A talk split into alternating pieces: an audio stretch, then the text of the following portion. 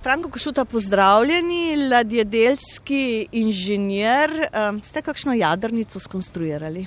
Ne, jaz se bavim samo, lep dobro dan vsem skupaj, e, jaz se bavim samo z velikimi ladji, načrtovanjem velikih jeklenih ladij, prosim, od tankerjev do jaht, do potniških ladij, do roro ladij, vse mogoče ladje, ki existirajo, ampak jaz pa, e, kakor en hobi, recimo, tako gledam z enim očesom, pa tudi z dvemi, tudi na jadrnici, tudi to, kar se dogaja recimo v tej lepanogi, kjer je zelo specifična in tudi eh, zelo interesantno, kakšen velik podvih je v zadnjih 40 letih te jadrnice, so spremenile 100% svojo anatomijo.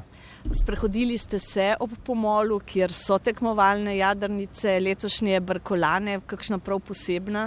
Ja, eh, zelo eh, interesantna jadrnica je Pendragon. Dajmo paziti, pazite, vsi govorimo o kosmini in govorimo tudi o Alfa Romeo, to se pravi o Furju Benusiju, ampak ne smemo pa mimo dejstva, da Pendragon z krmarjem, ki je Lorenzo Bodini, je tudi zelo, zelo napredna in zelo dobra jadrnica, po mojem. Bomo videli. Bomo videli. A, kako vi gledate na to večno rivalstvo med Slovenijo in vem, Italijo, Tržačani? Ja, to je, to je res, to je zelo interesantno, ampak vsekakor mi smo zelo ponosni na kosmino, na očeta in tudi na sina, seveda, ker to je bilo nekaj neverjetnega, ko so oni prvič zmagali. Ja, pa to meni je šlo na jog skoraj.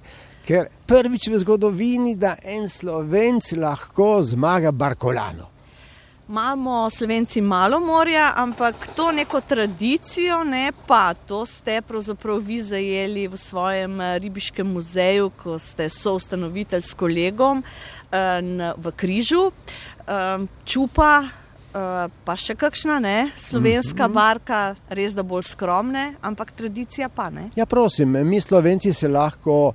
Smo lahko ponosni, smo začeli z enim arhajičnim, zelo starim, zelo enostavnim, špartanskim plovilom. To je pa čupa, to je de facto en deblak, en monoksil iz enega debla iztesano plovilo.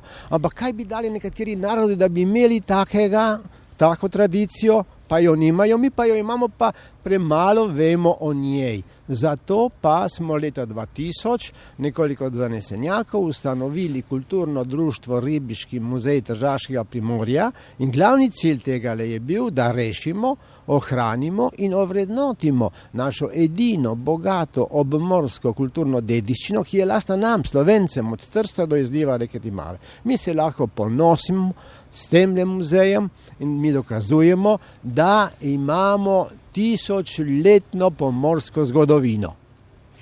Tudi z nekimi pirati, ne, zgodbe so zanimive no, v tem rebiškem, so, ribiškem so, muzeju. Ne? So zelo zanimive, kajti recimo v tej naši tradiciji, tisočletni tradiciji, mi smo začeli s čupo, ampak potem smo šli naprej na tudi največja plovila.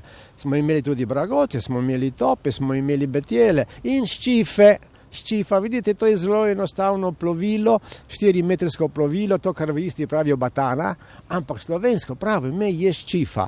Torej, mi, eh, kakor slovenci, se lahko ponosimo s temle, da smo eh, bili tudi pomorci. Pazite, na jedra, loviti recimo na jedra z, z vlečno mrežo tartano. Tukaj smo mogli se dokazati, da smo res pravi pomorci. Veste, ni bilo, da je eno gib, recimo, ja, da je mal naprej, mal nazaj, mal, mal nulo ali in tako dalje. Ne, ne, ne, če ste zgrešili, ok, ja, je bilo po vas. To se pravi, da tukaj smo se dokazali, tudi mi. No, Ribiš... Predhodnici Barkolane. Z Ribiškega muzeja uh, je videti še kakšno tuno v zalivu. Ja, evo, tukaj tuno lov, tudi zelo, zelo ste, ste me pritisnili na pravo struno. Torej, um, tuno lov na naši obali, tukaj le tržaški obali, ki se razprostijo od trsta do izliva, reke ti mave, je bil enkraten, enkraten na svetu. Torej, po tehniki lova. Zakaj? Zahvaljujoč se orografski obliki našega krasa, ki se strmo spušča v morje, smo imeli priliko, da lahko imamo takele specifičen tunolov in sicer z raznimi izvidnici, ki so izvidniki, ki so bili nekje 150 metrov nad morske višine in ladico Tonero, ki je bila zelo, zelo specifična, grajena, grajena na tak način, da je bilo premec in krma simetrično, brez krmila, da ni bil manjši upor. In eh, štiri, edino pogonsko sredstvo, štiri ogromna vesla, veste, šest metrska. In to ti veslači so imeli tako leprsni kož, da svarce ne gre, bi sigurno zardel, ki jo bi videl. Uh, še greste kdaj v križu po tistih 700 ali koliko stopnic? 50 stopnic, ja, dobro se spomnite. Ja, seveda, ampak to je dober trening. Ne? To je dober trening, tako da naši predniki so, mi zamislite, mislim, to je bilo nekaj neverjetnega, kako so naši predniki hodili tudi dvakrat na dan. Mislim, to, to človek ne bi verjel. Ne?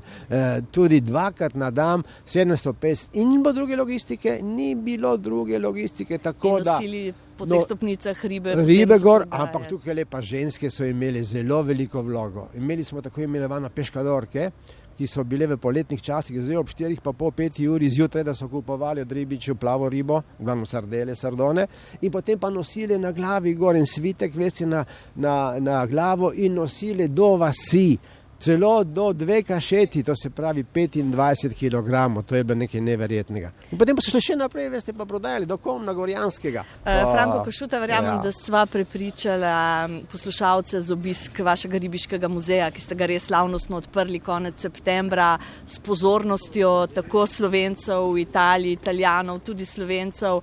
Um, živi ribiški muzej? Da, torej, ribiški muzej je, je končno odprt po 16 letih truda. To je bilo veliko dela. Ogromno prostovoljnega. Pazite, vse je skoraj prostovoljno. Mi smo ga de facto 85% sami zgradili. Mi ne, ne moremo mimo dejstva, da nismo nič dobili iz Ljubljane. Ne, ne, to ne. Iz urada za slovence za mest in po svetu mi smo dobili nekaj, recimo okoli 5%. Investicija pa je vredna okoli 350 tisoč evrov. To ni mači kašelj.